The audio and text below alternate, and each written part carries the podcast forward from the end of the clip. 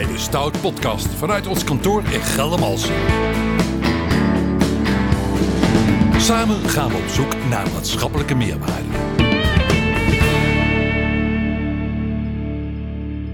We zijn weer in Geldermalsen in de podcast opnamestudio. Mijn vaste tafelheer natuurlijk Ralf. Buutner. Goedemiddag, we gaan het hebben over organisatieveranderingen. En als gast hier Michiel van der Vlies, bestuurder bij E, ME, MEE Vivens. Je mag straks zeggen hoe het misschien beter gezegd moet worden. En Karen de Groot, projectmanager en procesbegeleider bij de Stoutgroep. Onder andere binnen de RIBW en als projectleider transitie en projectleider thuis in de wijk. Nou, heel, heel, heel wat hè, Karen. Ik heb nog meer, Ja, want je, bent, je doet ook inspiratiesessies, huiselijk geweld en kindermishandeling voor de 15 gemeenten in Gelderland-Zuid. Wauw. Welkom eh, eh, alle twee, natuurlijk ook eh, Ralf. Ehm, organisatieveranderingen, maar laten we eerst even, leg even uit, MME Vivent, zeg ik dat goed? Nee, is niet helemaal. Het is Mevivent. Kijk, dat dacht ik al. Maar leg uit, eh, Ik wat, zal wat, uitleggen. wat doen jullie? Ja, Mevivent is eigenlijk een fusieorganisatie. We zijn twee jaar geleden eh, eh, gefuseerd. En Mee, nou, wellicht voor sommigen bekend, is het land- landelijk merk voor cliëntondersteuning voor mensen met een beperking. Dat was voorheen, voor de decentralisatie, eh, eh, waren dat eh, organisaties die in heel de regio, of heel landelijk in alle regio's actief waren. Nou, na de decentralisatie zijn er nog steeds veel meer organisaties actief, waaronder wij. Eh FIVENS was organisatie voor maatschappelijke dienstverlening. Maar vanwege alle decentralisaties, en wellicht komen we daar straks nog wel op, hebben we eh, in 2019 besloten om te gaan fuseren. En dat is per 1 januari 2020 eh, gebeurd. Dat, en dat is dus ook de verandering waar we het Dat was meer over een gaan van de hebben. veranderingen waar we het over hebben. En inmiddels zitten we alweer in een volgend traject. Want eh, en, en ook afgelopen jaar is mee Gelderse Poort ook nog onder ons dak gekomen. Dat is ook een, een fusie geweest. Allemaal vanwege alle ontwikkelingen die zich bij gemeenten voordoen en in het sociaal domein. Ja. Karen, RIBW, leg even uit. Voor de mensen die het niet weten. Ja, RBW, dat zijn er een aantal in Nederland. Maar ik heb eh, nu een project gedaan bij RBW Nijmegen-Rivierenland. Daar wonen mensen met een eh, ernstige psychiatrische aandoening. Of ze worden begeleid eh, in hun eigen huis door die mensen van de RBW. Ja. Wat, wat zijn die, die veranderingen waar we het over gaan hebben? Als je zegt van dat is echt een groot vraagstuk, daar lopen we tegenaan. Vraag ik even jullie allebei. Nou ja, wat wij, wat wij zien is ehm, dat gemeenten steeds meer, eh, eh, een, en vanuit het perspectief van de inwoner vind ik dat ook logisch, hè, maar toe willen naar een integrale ingang en integrale dienstverlening. En dat Oh, oh in- integrale ingang, ja, ja, ik, integrale zal, ik zal toelichten, want dat zijn er van, Ja. die, van die kreten die, eh, die heel erg veel jargon in zich houden. Ik- Ja, ik, was, was dat ook van plan, want, maar ik probeer even te duiden, want dat is Ja. hoe het op ons bordje komt. Mhm. Maar ik moet je gewoon denken, je hebt als inwoner een, een eh, eh, ondersteuning nodig. En in plaats van dat die ondersteuning in allemaal hokjes geknipt is, willen ze dat je in één keer gewoon goed geholpen wordt. Eh, en dan ook niet door tien organisaties. Dus niet van het kastje naar de muur Niet van het kastje naar de muur, maar gewoon in één keer goed. En dan ook liefst niet door tien organisaties, maar door één. En één kan dan in samenwerkingsvorm zijn. Of soms ook gewoon feitelijk in één organisatie. Nou, dat is een ontwikkeling waar wij op dit moment heel erg mee te maken hebben.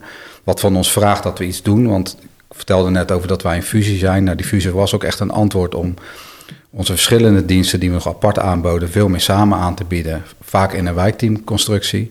ehm, waar we samen met professionals met verschillende expertise bij elkaar zitten, maar allemaal erop gericht om die inwoner in één keer goed te helpen. Want daar ontmoeten jullie elkaar eigenlijk ook, Karen. Ja, ja, ik denk dat we alle, alle organisaties gewoon veel te maken hebben met veranderingen. Maar dat is ook wel een constante, denk ik, van deze tijd.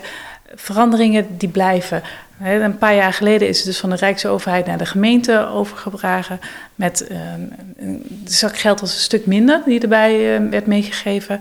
Dus eh gemeenten hebben zich heel erg moeten bekwamen in van oké, hoe gaan we hier nu mee om? En ondertussen hebben ze een boel geleerd, maar ja, ook wel geleerd van hun fouten. Dus we proberen dat nu dan weer recht te breiden. Maar ik denk dat, dat we met z'n allen blijven veranderen. Eh, Nederland vergrijst natuurlijk, er er wordt steeds meer van de zorg gevraagd. En dat is ook niet meer te betalen. Dus we zullen ons moeten aanpassen. Mhm. En, en wat zijn dan de grootste problemen nu? Nou ja, je zei het net al, kastje muur vind ik wel echt nog steeds, eh, ondanks alle goede bedoelingen, maar kijk, als je een simpele vraag hebt als inwoner, dan lukt het over het algemeen wel, maar op het moment dat je het hebt, nou ja, wat we dan de kwetsbare gezinnen noemen of kwetsbare ouderen die echt op meer gebieden ondersteuning nodig hebben of een hulpvraag hebben, dan is het soms nog heel lastig voor hun om uh, tijdig de goede hulp en ondersteuning uh, te regelen. Ook doordat we nog steeds heel versnipperd zijn in Nederland. Niet alleen qua aantal organisaties, maar je hebt ook allerlei verschillende wettelijke regelen, financieringstromen. En daar liggen wel echt de uitdaging.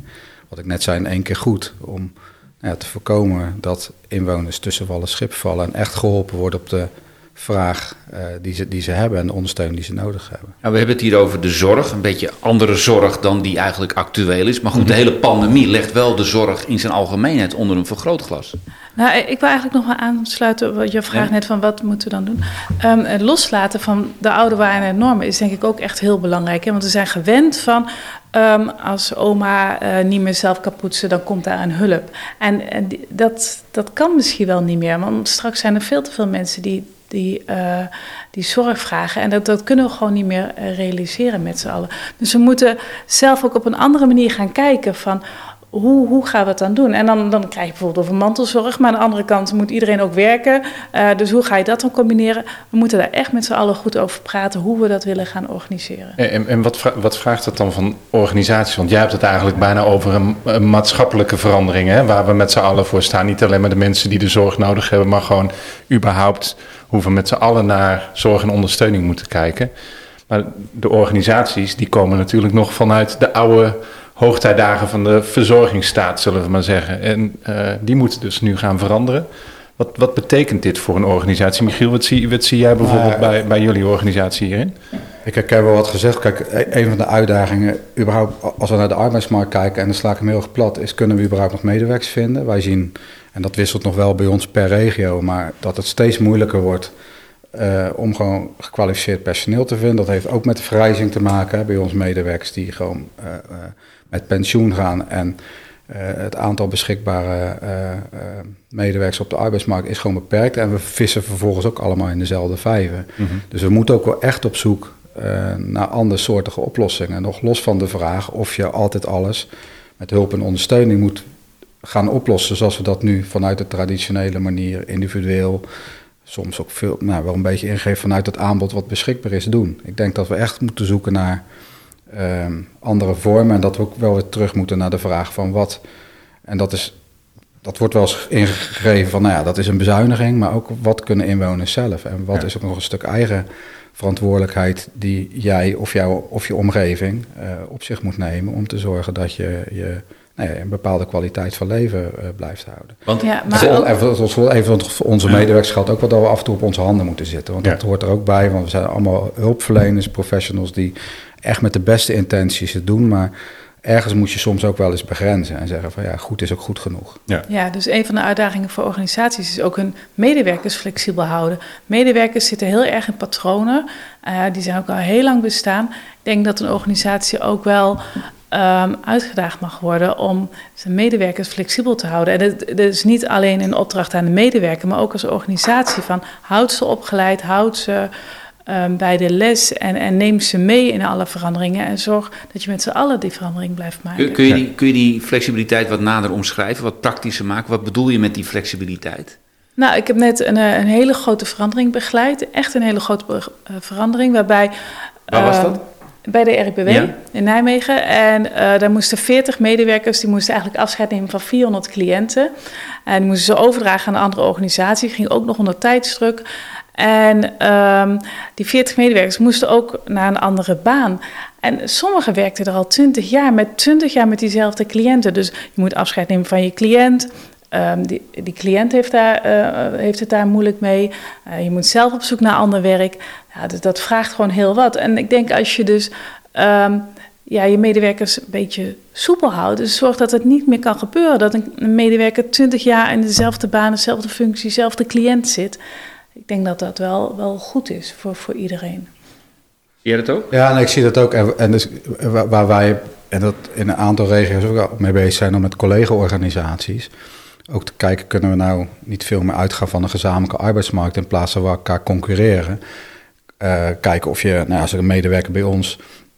Hoe bedoel ambitie, je concurreren? Want er is nou, concurrentie dus. Je concurrentie, ja. Je koopt een goede weg bij ja, de ander. Dat gebeurt soms letterlijk. Dat heb ik ook meegemaakt. Dat, dat, uh, uh, omdat soms ook medewerkers met elkaar samenwerken, in, in, samen in een wijkteam zitten, dat ze letterlijk van eh, eh, van ons naar een andere organisatie gaan of andersom. En we hebben in een aantal regio's met elkaar gezegd dat moeten we niet willen. Is dat ook omdat de arbeid schaars is? Ja, de arbeid is heel schaars. En je ziet ook dat echt een dat medewerkers ook wat kunnen vragen. Dus dat er ook onderhandelingsperspectief is. Als het om arbeidsvoorwaarden gaat, nou weet ik, heel veel medewerkers worden gelukkig niet door geld gedreven. Maar dat is wel wat we op dit moment zien.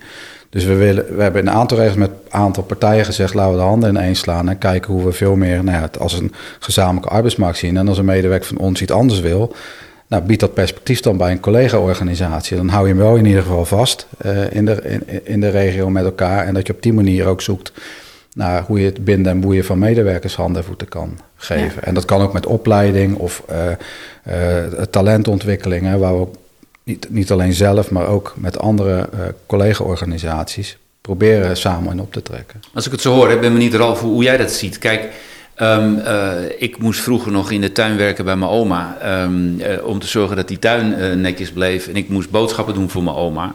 Maar daar zijn we natuurlijk volledig van weggegroeid in onze samenleving. Moet dat weer helemaal omgedraaid worden? Is daar ook educatie belangrijk in? In, in jullie vakgebied, hè? Je zei het net al, we moeten die hulp begrenzen. Maar in mijn ogen hebben we een gigantisch probleem als ik jullie zo hoor. Ja, ik, ik denk dat dat, dat dat wel echt anders moet. Het sluit aan een beetje bij wat, wat, wat Karen zegt. Het heeft denk ik ook niet alleen maar met de, met de betaalbaarheid te maken. Maar ik, ik vind het, uh, zeg maar, de mentaliteit van het moet alsmaar beter en er moet alsmaar, hoe ouder ik word, hoe beter er voor mij gezorgd moet worden. Ik denk dat dat niet houdbaar is. Niet, niet houdbaar is voor de zorg, maar ook niet voor het milieu, de het klimaat. Dus de, daar moet echt een andere mindset in komen. En een mooi voorbeeld vind ik uh, op het moment dat uh, de abonnementstarieven van de huishoudelijke ondersteuningen kwamen. Uh, en um, uh, de, inkomens van mensen niet meer meegerekend uh, werden, waren er ineens veel meer mensen die gewoon huishoudelijke ondersteuning voorheen zelf betaalden, maar nu ineens bij de gemeente aan gingen vragen. En dan kun je zeggen, ja, maar de wet, wet en regelgeving die geeft ons die mogelijkheid. Ik denk echt dat het een mentaliteitsprobleem is dat als je zelf je huishoudelijke ondersteuning kan betalen, dat je hem dan dat je je hand op gaat houden bij, bij de gemeente. Daar, daar moet echt een verandering in plaatsvinden. En dat moeten we als collectief doen. En dat is tegelijkertijd ook wel het lastige wat je soms bij professionals ziet. Michiel, jij noemde het woord al. Eigenlijk moet je hulp verlenen. Uh, dus je, wil gewoon, je bent opgeleid om die persoon tegenover je zo best mogelijk of zo goed mogelijk van dienst te zijn. En tegelijkertijd moet je binnen je organisatie en in je werk gewoon die hele mindset uh, proberen te veranderen. Dat, dat is echt wel een, uh, een opgave. En dan hebben we het nog niet eens over de grillen van gemeenten gehad, waar Karen het ook al over had, van we, zitten, we zijn nu, in 2015 waren de transities. Je bent nu uh, uh, zeven jaar verder en er, komen weer, uh, een, er is weer voldoende geleerd, er komen nieuwe keuzes. en wat betekent dat ook voor organisaties? Nou, volgens mij hebben jullie daar beide ook in de afgelopen jaren dat aan de lijve ondervonden wat het voor je organisatie betekent, toch? Mm -hmm. Ja, zeker. Ja. ja. Dus dat is hoe ik er naar kijk, Jan. Ja, nee, nee. Mooi om te horen. Um, als je dit verhaal zo hoort, en je hebt het al verteld hmm. over de, de, fusie tussen die, die, die, jouw twee organisaties. Um, is het nu al beter voor jouw gevoel? Gebeurt er al iets waarvan je zegt van daar ben ik nu trots op?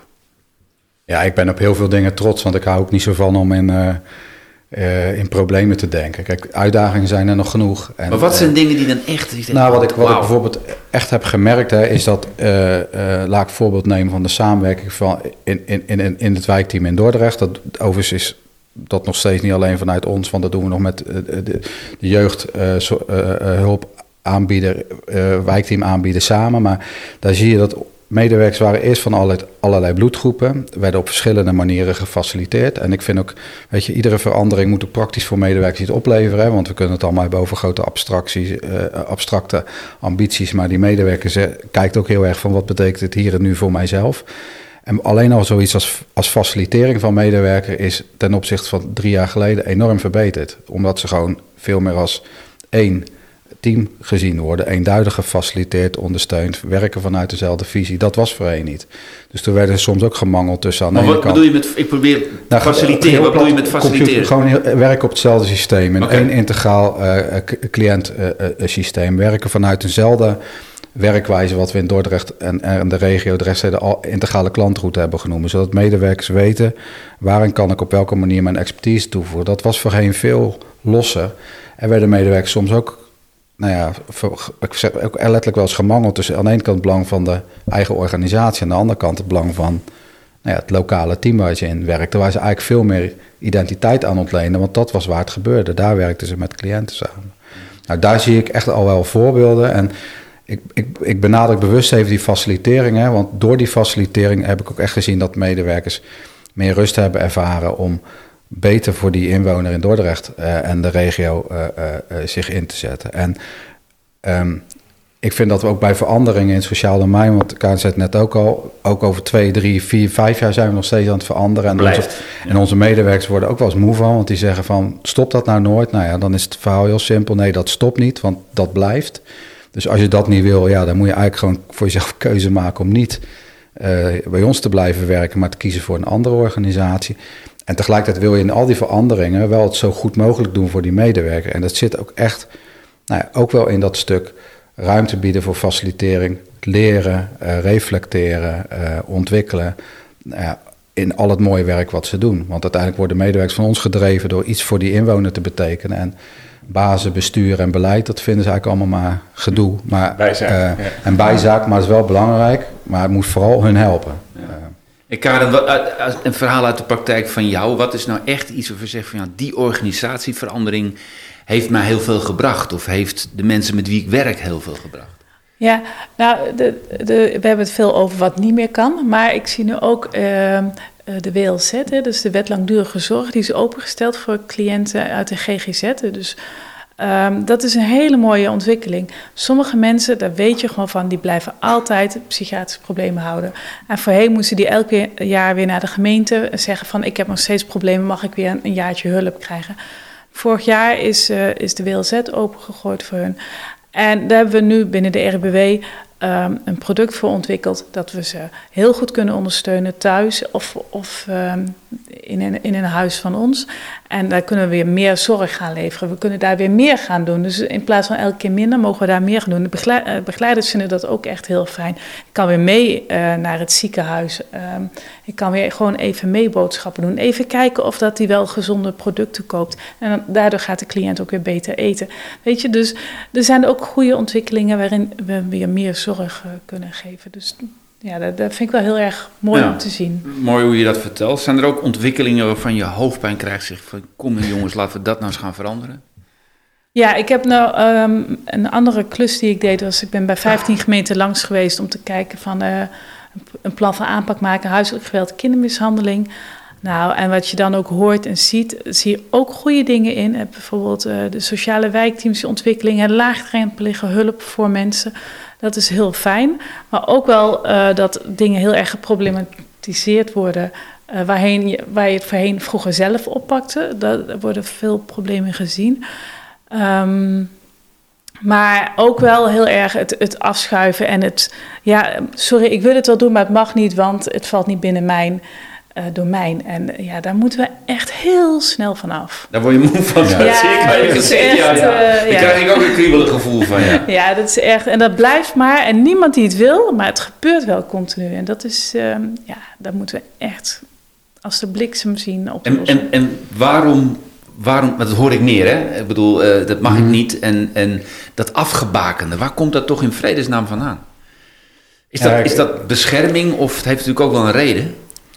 Ik denk dat er meerdere oorzaken voor zijn. Kijk, ik, ik, ik denk dat er veel meer kan dan uh, soms gedacht wordt. Hè? Maar het is ook wel een beetje ingegeven van... Uh, ik heb deze opdracht en ik, ben, ik heb deze expertise en daar ben ik van. En dat andere is van de ander. Want ik ken ook de voorbeelden uh, bij onszelf... maar ook in, in, in de samenwerking met anderen... dat, dat, dat de een zegt ik ben van het gedrag... en de ander is van... De, van van uh, de behandeling ja. GGZ. Uh, terwijl de samenwerking die kaart nodig is niet gevonden wordt. En de een zit naar de ander te wijzen. Dus misschien dat financiering, we als bestuur ook daar nog iets in doen... door te zeggen van nee, hier, hier, zijn we van en dat is van de ander. Maar ik, vind, ik ben erg met Karen eens, ik word er ook af en toe heel moe van. En zeker omdat bij mij komen helaas alleen maar als het echt helemaal fout loopt... die heftige casuïstiek op je bord. En dan is het vaak ook in niet alleen bij ons, maar dan is het vaak in de keten met andere organisaties. En dan schrik ik af en toe van de heftigheid van de problematiek, maar ook hoe ingewikkeld het op dat moment is om echt uh, doorbraken te forceren en oplossingen te bedenken die echt uitgaan van het perspectief wat je aan bijvoorbeeld een. Recent nog een jong meisje wat echt al, nou ja, wat een verleden heeft, waarop je denkt van nou, je gunt dat kind een mooie toekomst, maar vanuit dat verleden is dat met alles wat ze meegemaakt hartstikke ingewikkeld en dan wil je oplossingen bedenken met perspectief en dan, dan zit iedereen, nou ja, weet je, die zit dan te veel vast in zijn eigen systeem. Dus ik hoop echt dat die leven, dus echt wat perspectief bieden voor die inwoners die het echt nodig hebben. Um, neem zo'n thema als bestaanszekerheid, hè, de, de, de kinderopvang, toeslagaffaire ook mooi voorbeeld. Dat, daar hebben ook best wel veel cliënten die we daarin ook in opdracht van de gemeente ondersteunen. De tranen schieten echt soms letterlijk in je oren, in je ogen als je ziet wat die mensen hebben meegemaakt. Dat vind ik echt dramatisch. En dan, dan wil je graag oplossingen bedenken, maar dan is dat gewoon op de een of andere manier door het systeem waar we mee te maken hebben, belemmert dat. En ik vind dat dat niet mag. Dus ik vind dat we kaart moeten knokken met elkaar om daar uh, doorbraak in te voorzien. En ik denk dat we dat niet alleen kunnen, want dat moeten we met elkaar. En daar hebben maar met, met wie bedoel je nou, met elkaar? Met andere aanbieders, maar ook gemeenten hebben daar. Andere aanbieders bedoel je andere zorginstanties? Ja, ook zorginstanties, maar soms ook de woningbouwcorporatie. Want de woningnood in Nederland, om er een ander thema aan te stippen, is voor kwetsbare groepen gewoon gigahoog. Door, ik, uh, uh, Want er komen meer kwetsbare mensen op elkaar te wonen eigenlijk. Nou ja, dat, dat zijn voor mij. Ik ben niet zo'n deskundig wat de problematiek heeft veroorzaakt in de wonen. Maar ik, ik, zie alleen dat in een aantal steden of, of, plaatsen dat het vinden van een woning voor ehm, mensen die kwetsbaar zijn soms heel lastig is. En dat belemmert. Um, Nee, ik, ik, wij doen in Dordrecht en, en de rest zeiden ook iets met kwetsbare jongeren. Ik blijf even bij Dordrecht, want niet dat het de enige gemeente is, maar dan houden we het even bij, bij, bij die gemeente. Maar daar zie je dat bijvoorbeeld uh, uh, jongvolwassen jongeren, die nou, soms een heel verleden ook in de jeugdhulp al achter zich hebben, die willen graag uh, zelfstandig wonen, maar er zijn dan geen woningen voor. Nou, eigenlijk kun je dan verder ook niet zoveel, want als je het even vanuit Maslow bekijkt, is het hebben van een woning, bepaalde zekerheid, bepaald bestaan, om bestaan op te kunnen bouwen, is heel belangrijk. En eigenlijk loop je dan vast in die hulpverlening en onze medewerkers lopen dan met zo'n jongen nou, van het ene loket naar het andere loket om een wonen. Maar er zijn gewoon, weet je, geen, geen woningen. Uh, en dat lossen we ook niet 1, 2, 3 met elkaar op. Wel als je met elkaar samen gaat zoeken, en gelukkig doet Dordrecht als gemeente er ook veel in, gaat zoeken wat zijn dan alternatieven mogelijk. Heb je leegstand wat je ergens kan gaan omzetten in uh, toch geschikte uh, woonlocatie voor de jongeren. Je kan ook zeggen, en dat is een soort moeheid die ik af en toe ook ervaar bij onze medewerkers, van ja, het is zo. Dus ja, waarom zouden we er nog... En dat vind ik uh, nou, niet, nou ja, ook soms wel zorgen, dat zeg ik ook. Van, ja, laten we met elkaar wel die strijdlust vasthouden om mm-hmm. die doorbraak die energie, moeten, die energie ja. vasthouden. En niet dat we maar accepteren dat, dat het soms ingewikkeld is en dan denken, nou ja, dit is het systeem, dus nou ja, dat, daar hebben we ons maar toe te verhouden. Wordt er toch een beetje somber van? Nee, je moet niet somber worden, want we houden die strijdlust nee, vast. Ja, ja dat mag oké, maar ik bedoel, ik zie wel de complexiteit van alles. Zoals nou ja, jullie dat vanuit, vanuit het veld beschrijven. Ja, wat, ik, wat ik wel bijzonder vind, maar dat, dat is ook Michiel, jij bent, jij, jij, jij bent aan het vertellen en ik moet daar uh, aan denken. Ik ben wel benieuwd, Karen, hoe jij dat ziet. Kijk, die hele zorg- en welzijnsorganisaties, uh, uh, die zijn eigenlijk op leren en ontwikkelen ook gebouwd. Dat, dat, dat, je hoort dat ook, er wordt hier vandaag aan tafel ook uh, vaak genoeg genoemd.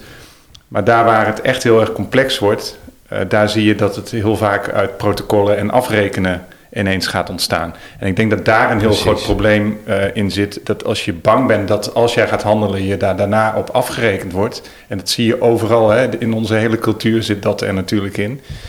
Daar zit eigenlijk een hele grote tegenstelling. Ja, Karin, ik zie jou knikken, dus jij herkent dit. Ja, dat is precies het punt wat ik nog uh, wilde maken, inderdaad. Uh, afrekenen uh, door je baas, maar ook wel in de social media en zo. Denk maar eens aan, aan veilig thuis, aan, aan jeugdzorg. Sommige dingen zijn gewoon niet te voorkomen. Maar ja, het zijn wel heel heftige dingen soms. En ja, ik snap wel dat mensen op hun grenzen gaan zitten. Want stel je voor dat er dan wat gebeurt met dat kind. Nou, en ja, wordt jou aangerekend. Ja, ja, precies. En ik denk dat we daar ook echt wel een, een goede slag in zouden kunnen maken om, om, te, om wat meer gezamenlijk te, te komen ja. zorgen voor, voor een gezin of zo. Als je niet zo heel snel eraf op afgerekend kan worden. Als er wat meer vertrouwen is. Ja. Super, super boeiend, jongens. We, we, zitten aan de tijd. Ik wil, ik wil Karen nog even vragen. Misschien een soort slotwoord zeg ik dan vaak, wat jij nog kwijt wil. toen je hier naartoe kwam, dat, wat je belangrijk vindt om nog eens te zeggen ten aanzien van dit onderwerp? Ja, we hebben het over veranderen. Ik denk, uh, we moeten het met elkaar doen. En dus als, als werkgever goed voor je personeel zorgen en als, als personeel goed uh, meedenken. Ik denk dat dat iets is wat er gezamenlijk, uh, ik denk dat dat heel belangrijk is. Ja, dank voor jullie tijd. en jullie, ja, voor mij is het allemaal nieuw en, en complex. En wat ik zeg, ja, een beetje, beetje somber, maar ik zie Ralf gelukkig lachen, ik zie jullie lachen. ik weet dus dat we een tijdje geleden ook uh, over het sociaal domein een podcast hadden. Volgens ja. mij was dat toen ook jouw eigen ja, ja. Dus, uh... Nee, maar goed, ik heb het gevoel, kom nog een keer terug. Want ik, ik, ik, ik wil hier nog meer over horen. Want het is ontzettend ja. belangrijk en jullie doen fantastisch mooi werk. Dank jullie wel. Dank je wel. Dit was de Stout Podcast vanuit Geldermalsen. Tot de volgende keer.